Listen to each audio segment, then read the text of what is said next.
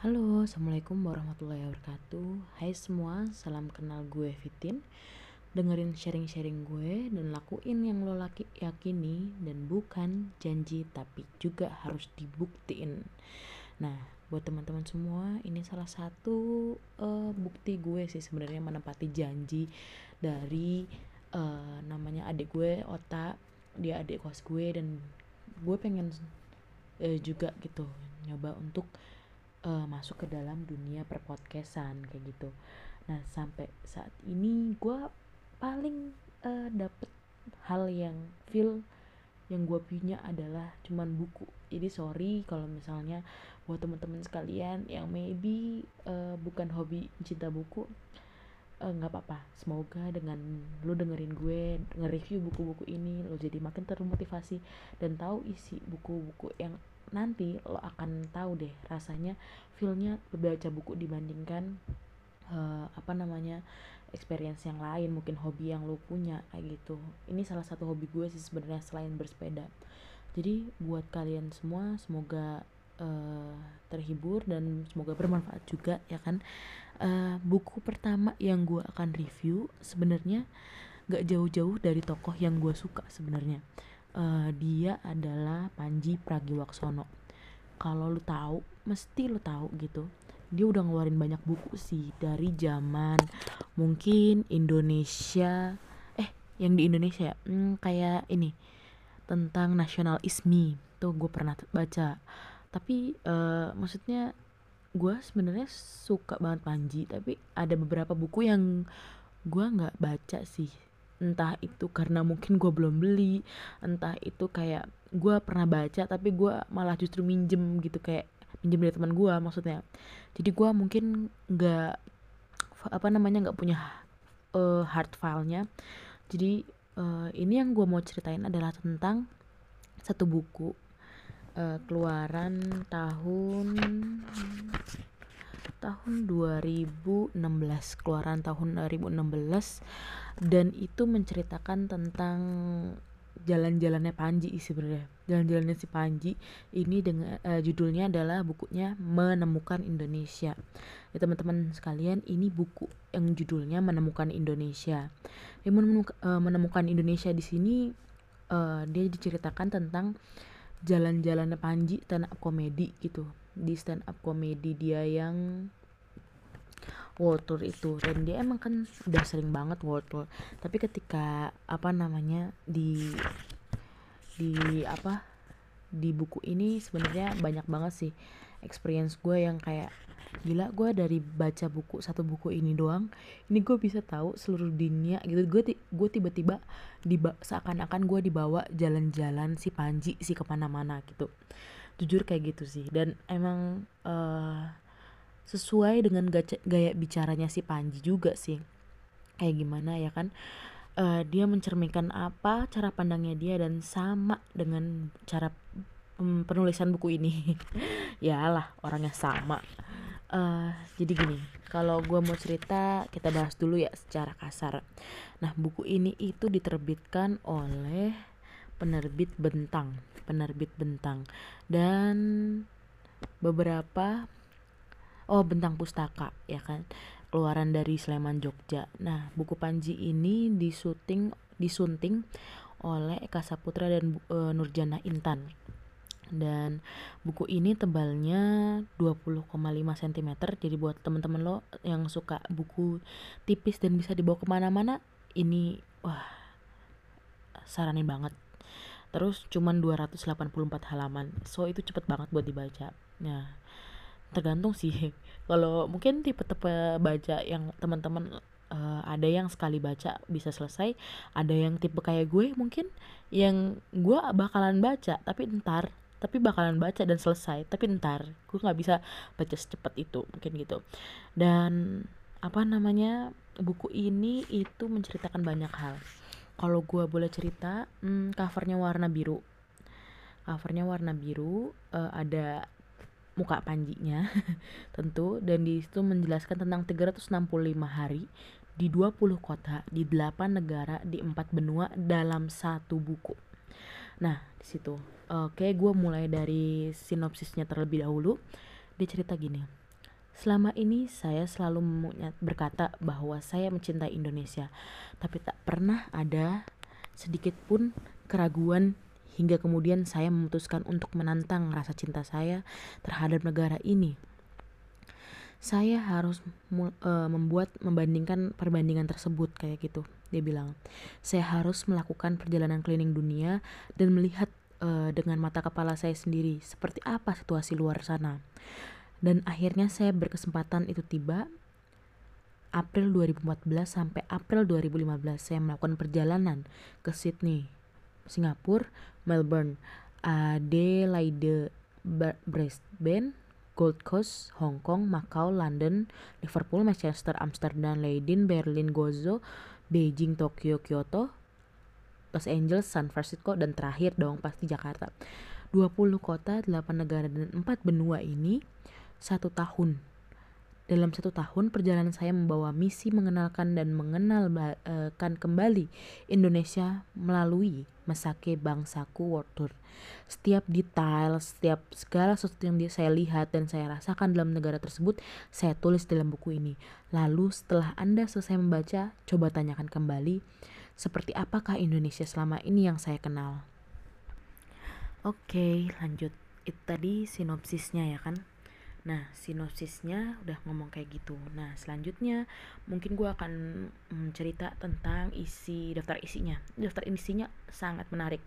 Uh, buku ini menurut gue lumayan sih buat kalian-kalian yang suka dalam perjalanan traveling sangatlah uh, terfasilitasi dan nggak rame banget kayak gimana ya nggak rame banget emang lu emang terpusat dengan apa yang jalur ceritanya si Panji aja sih gitu si apa namanya kalau kita lihat dia menjelaskan tentang rombongannya siapa aja dalam ikut uh, World Tour Mesaki Bangsaku ini. Selanjutnya perlengkapan apa aja nih yang dibawa selama dia uh, pergi ke dun uh, lo apa keliling-keliling dunia itu tadi dan apa itu Indonesia yang dia definisikan di halaman 277. Dan selanjutnya ada beberapa negara sebenarnya negara, kota dan lain sebagainya ini uh, gue appreciate sih soalnya emang ini orang niat banget. Foto angle-nya dia niat banget momen-momen pas apa gitu tuh gue menurut gue niat sih. Ada beberapa negara seperti yang tadi Singapura Hong Kong Sydney Melbourne Adelaide Brisbane London Berlin Guangzhou Amsterdam Beijing Los Angeles San Francisco Tokyo. Mungkin ada beberapa perjalanan singkat dia bilang di Macau Gold Coast Liverpool, Manchester, Leiden, dan Kyoto. Uh, sambil gue baca, mungkin sambil gue ceritain juga, mungkin buat teman-teman yang mm, selama ini mungkin ngerasa cinta kepada Indonesia ini buta gitu ya. Akhirnya si Panji ini malah justru nanya apakah saya akan mendapatkan itu saat saya membandingkan dengan eh, negara-negara uh, lain kayak gitu. Dan gue ngebaca ini cukup seru sih. Bagaimana ngejelasin si Masake Bangsaku World Tour ini tuh sebenarnya hampir aja nggak jadi berangkat hanya karena sponsor kayak gitu. Wah benar-benar. Itu dia ceritain di awal dia diceritain di awal dan bagaimana kemudian dia menggunakan bahasa Indonesia untuk uh, bisa keliling dunia. Di sini dia dalam awalnya setelah dia menjelaskan alasannya kenapa dia ikut world tour selanjutnya itu dia masuk ke bagian mengenalkan rombongannya. Ada Mazan Zaindra. Mas Zaindra ini manajer. Dan Ben sebagai road manager. Terus Danis sebagai store manager. Danis dan Vira sebagai sekretaris manajemen. Dan banyak lah kayak Mas Pio dan lain sebagainya. Terus ada kayak openernya si Panji nih banyak sih ada Awe ada Gilang Baskara ada Krisna ada juga siapa sih? Gue lupa. Ya itulah pokoknya gitu. Dan sebenarnya gue seneng banget sama buku ini. Jujur gue kan belum pernah punya kesempatan untuk uh, keluar negeri. Jadi semoga uh, dengan gue meluaskan bacaan gue juga emang kayak oh gue tahu nih buat persiapan keluar negeri kayak gimana kayak gitu uh, masuk ke dalam persiapan di bagian perlengkapan ya. Beberapa perlengkapan khususnya visa sih. Si Panji nih nyantumin uh, visa. Jadi harga-harga visa gitu kayak visa Australia harganya berapa? 2 juta koma satu terus Inggris 2 juta koma dua eh 2 juta 2,2 maksudnya. Terus visa Eropanya 1,6 Tiongkok berapa dan sebagainya itu tuh dijelasin banget dan ini beberapa isi uh, kopernya si Panji. Isi kopernya si Panji ya kan? Uh, apa sih nih? Oh ya koper kecuali anda mau menenteng-nenteng pakai kantong plastik kan nggak mungkin juga dibilang gitu. Makanya koper menjadi barang yang wajib untuk dia bawa kayak gitu. Nah kun kunci wajib di koper adalah menggunakan TSA atau Transportation Security Administration. Transportation Transportation Security Administration TSA atau kunci yang suka pasti menempel di dalam koper. Keluaran terbaru. Kalau koper Anda tidak menggunakan TSA, beli aja dah gembok yang ada TSA, gunakan di koper tersebut. Nah, dia bilang gini, kenapa sih TSA penting banget? gitu. Ada kalanya petugas keamanan akan membongkar koper anda dan ka kalau misalnya anda merasa dicurigai kayak gitu.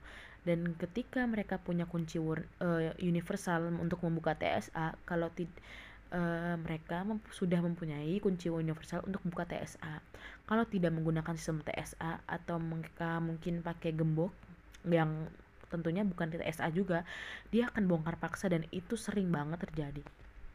Selama tur dunia si Panji ini cuman bawa hmm, koper ukuran 82 cm kecuali di Amerika Serikat umumnya koper yang agak lebih sedang yang muat baju 7 sampai 10 hari lah kayak gitu. Dan untuk tas, ransel, handphone kayak gitu-gitu. Nah, ini nih nih nih nih dia ceritain sih benernya gue bagian bagian rombongan ini gue sebenarnya paling suka sama colokan multinegara cuy. Colokan multinegara. Saat menyebutkan colokan multinegara lo langsung mikir kan emang seberapa banyak gue harus bawa colokan antar negara cuy? Kan sedangkan setiap negara itu punya voltase dengan e, bentuk colokan yang berbeda-beda sehingga kadang bingung kan kalau lu masuk ke sebuah negara dan ternyata colokannya beda bukan yang kayak kita pakai di Indonesia dua kayak gitu. Justru kita makan bingung padahal lo punya SLR lo punya laptop lo punya ponsel lo tuh uh, perlu gitu yang namanya nyolokin. Akhirnya uh, dia pakai namanya colokan multinegara. Sebenarnya sih universal universal kayak semacam universal colokan.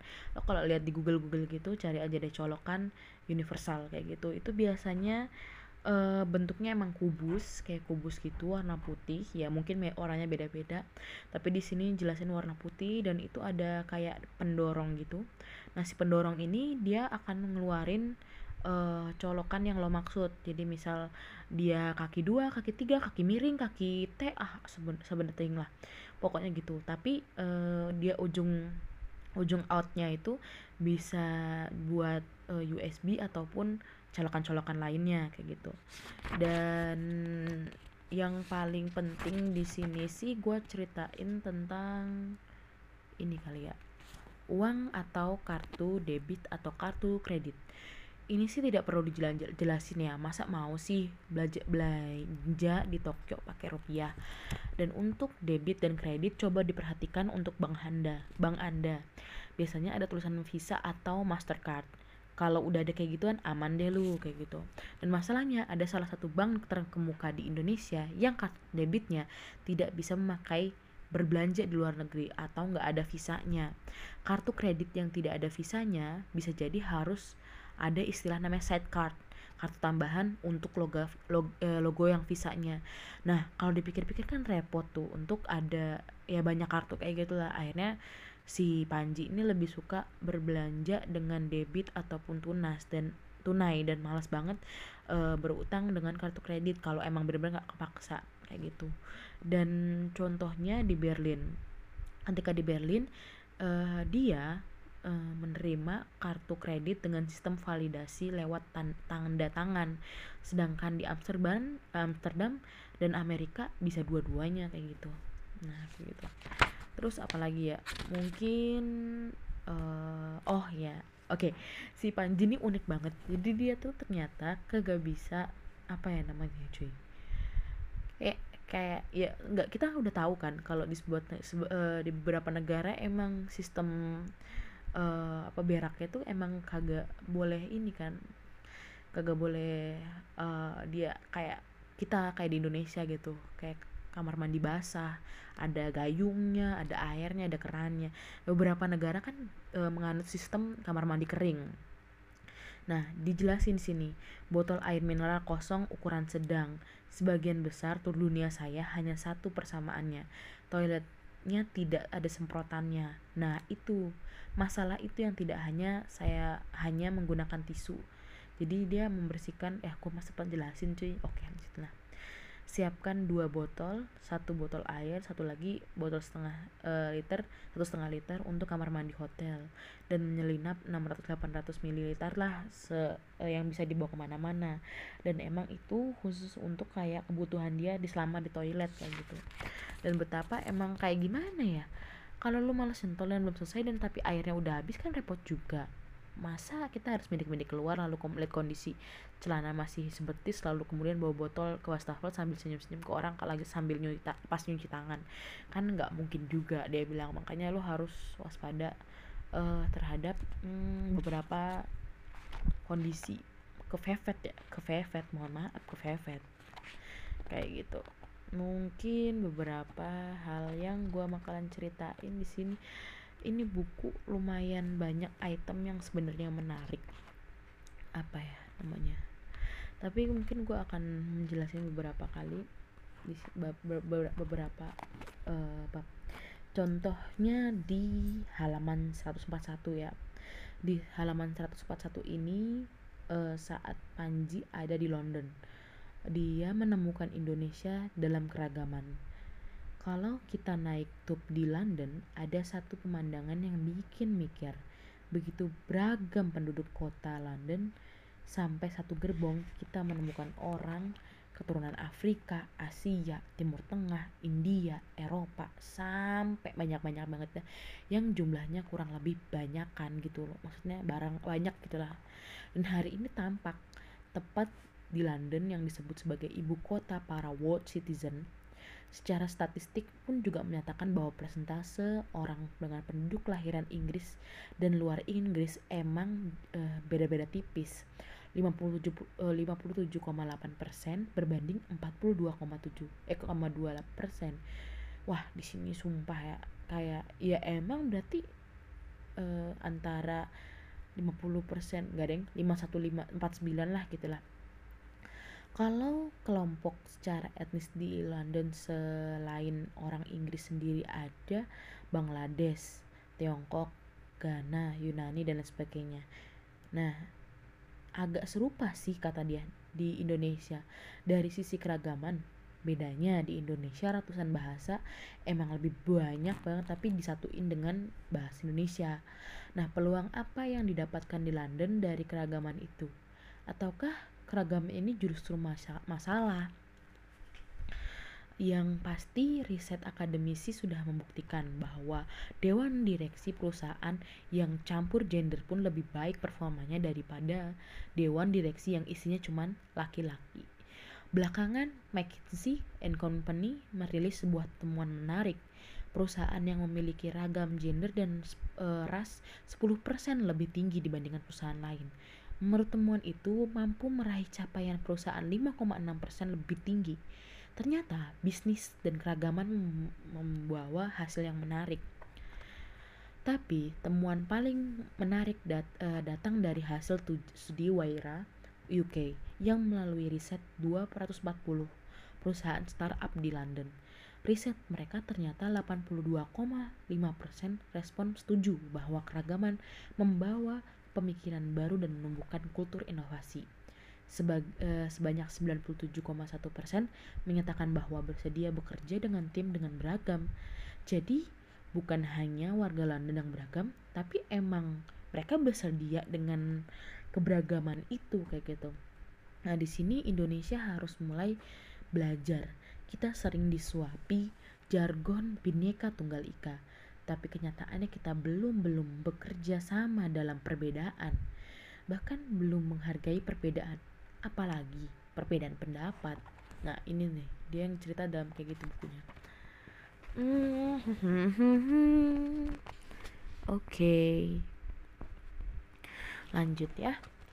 Sayang sekali memang, Indonesia secara alami sudah dikaruniai keragaman, tidak seperti London, dan yang keragaman yang datang dari para pendatang. Tidak justru kita yang memanfaatkan keragaman dan keunggulan, kayak gitu.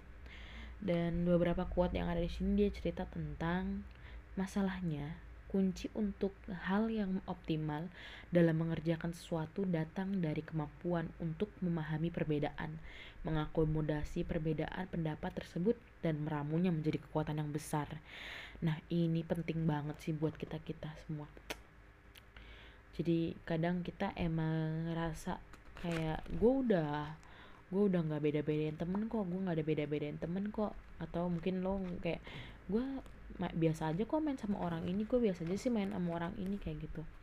Tapi justru kadang uh, lo emang nggak sadar aja keterterimaan lo terhadap pendapat belum tentu uh, sama dengan apa yang lo omongin kayak gitu. Uh, lanjut ya. Uh, lanjut lanjut lanjut lanjut. Gue kebagian langsung jalan-jalan lagi ya cuy. Tadi kita kan habis dari London ya cuy. Kita lanjut London kita ke ke Berlin ya. Cuy ini di Berlin kagak? Oh saya saya oh ya. Ini di San Francisco. San Francisco adalah kota penutup mesake bangsaku World Food di April 2014 sampai April 2015 nah di sini eh, dia menemukan masalah sebenarnya di beberapa teknis sih sebenarnya teknis teknis dia uh, dalam manggung. Tapi di sini gue lihat nih dalam saat Panji ini menemukan Indonesia uh, dalam bidang promosi. Dia, dia menulis gini nanti kalau anda ke Amerika Serikat mungkin saat waktu itu dalam kurungnya saya belum pernah ke New York Mungkin tulisan ini beda kalau saya ke sana lagi. Anda mungkin akan menyadari sesuatu. Selama ini yang digembar-gemborkan sebagai sesuatu yang keren ternyata biasa aja di depan mata. Nah, hal-hal yang luar biasa adalah kemampuan Amerika untuk menjual. Dalam hal menjual, Amerika memang hidup dari entrepreneurship. Tepatnya hidup dari berdagang, berjualan. Jauh sebelum Amerika seperti sekarang, ketika isinya masih para imigran di benua sana, mengubah nasib in, uh, uh, nasib orang-orang di daratan untuk berjualan. Makin lama, mereka makin hebat dalam berjualan dan seiring berjalannya waktu mereka pun juga hebat dalam meracik semuanya. Salah satunya adalah membeli Indonesia tentunya. Sebelum berkesempatan keliling dunia, saya pun juga udah berkeliling Indonesia dari Aceh, Papua dan begitu banyak hal yang bisa untuk dijual. Tidak dijual untuk milik menjadi milik asing tentunya tapi dipromosikan agar memang menjadi daya tarik Indonesia. Hanya saja karena saya sudah keliling Indonesia saya justru menyadari bahwa kelebihan Indonesia pada saat bersamaan adalah menjadi kekurangan yaitu Indonesia terlalu besar Indonesia terlalu luas untuk dipromosikan dalam satu iklan saja. Iya benar juga sih ya. Coba kita lanjutin bacanya. Di Indonesia itu setiap kota, setiap desa, setiap daerah Punya alasan kuat untuk kenapa bangga terhadap tempatnya itu sendiri. Ada yang menyadari tapi tidak punya kuasa untuk berpromosi. Ada yang tidak menyadari sama sekali. Ada yang lebih parah sadar bahwa kotanya penuh peluang untuk menjadi tempat wisata, tapi materi promosinya hanya ada muka wali kotanya atau gubernurnya aja. Tidak ada foto lain selain wajah pejabat. Suatu, suatu waktu saya pernah mengendarai mobil ke Jakarta. Lalu saya melewati billboard visit kota X di tahun 2015. Gambarnya hanya berisi wali kotanya, tidak ada berisi apa pun seharusnya sih bisa dijual dari kota tersebut Kalau berkeliling-keliling Indonesia sering kali Anda menemukan billboard serupa tersebut. Ini kan gila. Bagaimana bisa uang digelontorkan untuk promosi kota-kota tersebut, tapi malah isinya muka pejabat itu aja. Memang sih banyak objek wisata, tapi gitu siapa sih? Spesies dilindungi? Ya enggak kan? Jangan-jangan kalau kita tersebut rumah, apakah emang rumahnya yang jadi objek wisata? Enggak dong. Jadi kita tuh sebenarnya ngelihat uh, rum, uh, ke rumah bapak itu atau emang bapak itu punya wisata roller coaster bobomkar yang ada dalam rumahnya sebab kalau ada es teh manis pun mending kita juga ada mending kita juga di rumah sendiri ya kan mempromosikan Indonesia memang bukan hanya masalah promosi semata melainkan masalah juga dalam memimpin beruntungnya di Indonesia saat ini masih bisa memilih kepala daerah sendiri tinggal rakyatnya mau cerdas dan cerdik dalam memilih agar mendapatkan pemimpin yang memajukan kotanya. Punya potensi pariwisata juga percuma kalau didukung dalam promosi yang tidak mumpuni gitu, apalagi khususnya fasilitasi. Nah, di sini bener banget. Emang kadang tuh kayak kayak ngerasa nggak sih kalian tuh ngerasa nggak sih kalau misalnya lu lu apa namanya kenalan sama orang gitu? Oh iya dari mana? Dari Indonesia. Indonesia nya mana? Mungkin gue dari Jawa Timur. Oh iya gue dari Jawa Timur tapi gue gede di Jakarta lala segala macem gue ceritain segala macem. Loh iya ya? Kadang gue nggak bisa mendefinisikan sebenarnya Indonesia itu kayak gimana sih gitu kalau lu keluar uh, lu kenalan sama orang luar negeri maybe lu punya kesempatan untuk ber pasti mereka nanya. Mereka pasti bisa menjawab kayak oh ya kalau misalnya Australia tuh orangnya ada madem gini gini gini gini gitu. Dan itu emang kayak hal yang kemudian masih bisa mereka definisikan gitu loh satu daerahnya satu e, kotanya gitu. Tapi kalau Indonesia tuh terlalu luas gitu. Bahkan gue inget sih sebenarnya e, ketika waktu itu ada pesannya man, siapa ya? Gue lupa. Aslinya kita tuh sebenarnya bisa lagi ke Bali namanya sebagai Nusantara. Soalnya kenapa? Indonesia itu adalah nama titipan dari Hindia Belanda saat itu. Uh, Belanda datang ke Indonesia dikiranya ini tanah India makanya dia dinamakan Indonesia.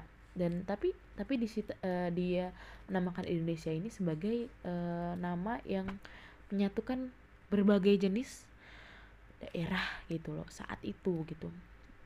Dan bagaimana kemudian uh, ketika kita menyebutkan Indonesia jarang tuh gue nemuin kayak I love Indonesia. Tapi gue sering banget kayak I love Singapura uh, I love Bangkok whatever. Kayak ya hal-hal yang kemudian ya paling juga I love Bali I love Jatim I love Jateng maybe. Kayak gitu sih.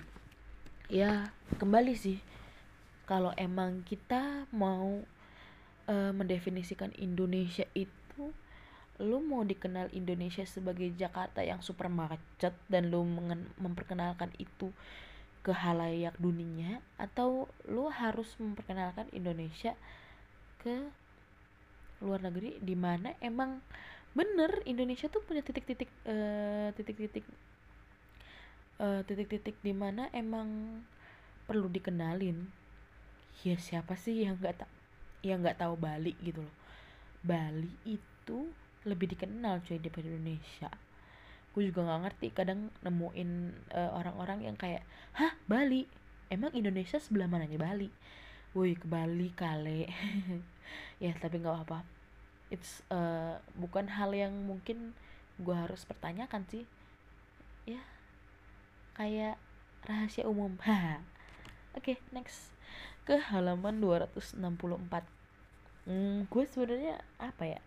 Mau motong-motong aja sih karena kalau gue ceritain semua mungkin podcast ini bisa berjam-jam cuy. Oke okay, tadi kan gue dari awal udah cerita kalau sebenarnya si Panji ini uh, rada ilfil sebenarnya sama beberapa kebiasaan di luar negeri itu tentang uh, kagak ada air gitu kan nah dia datanglah tuh ke Jepang negara salah satu yang pernah jadi Indonesia juga nah dia cerita tentang ini toilet Toilet menjadi salah satu hal yang bikin saya kangen di negara ini. Pantat saya dimanjakan di Jepang. Tiap masuk gedung atau restoran, kami selalu menanti kejutan di tiap ke toiletnya. Lucu-lucu banget, niat banget. Ada yang ornamental, ada yang toiletnya kayak pesawat, peralatan lengkap, ada yang fancy dengan teknologi yang cepoknya. Di toilet kami aja, tutup terbukanya sendiri tuh secara otomatis kayak gitu. Ketika kamar mandi dibuka, lalu otomatis langsung kebuka juga sih uh, dudukan toiletnya kayak gitu ada juga tombol uh, semprotan yang tidak bisa diatur airnya eh oh salah. Sorry sorry. Ada tombolan semprotan yang bisa mengatur airnya. Jadi ada air ada hair dryernya juga gitu ada pengeringnya juga. Tapi mohon maaf bayangin coba hair dryernya itu juga ada di pantat lo jadi anginnya tuh anget-anget tapi ya pelan dikit lah kita gitu, gitu. Uh, kemudian juga ada namanya tombol menyamarkan suara. Karena emang uh, kan suara boker tuh memalukan ya mohon maaf.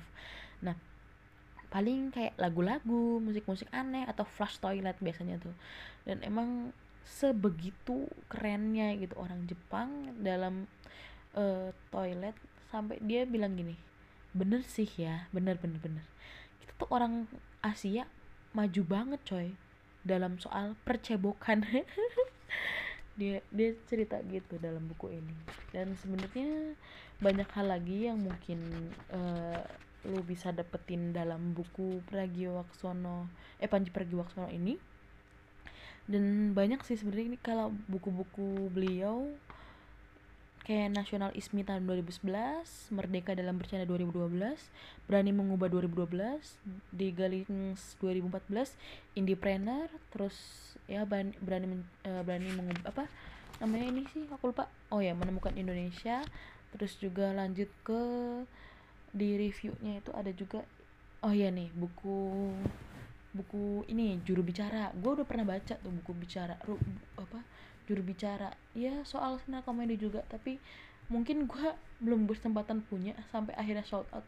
Oh, gue juga nggak ngerti. E, dan di di di library gue sendiri buku Panji itu ada dua sebenarnya.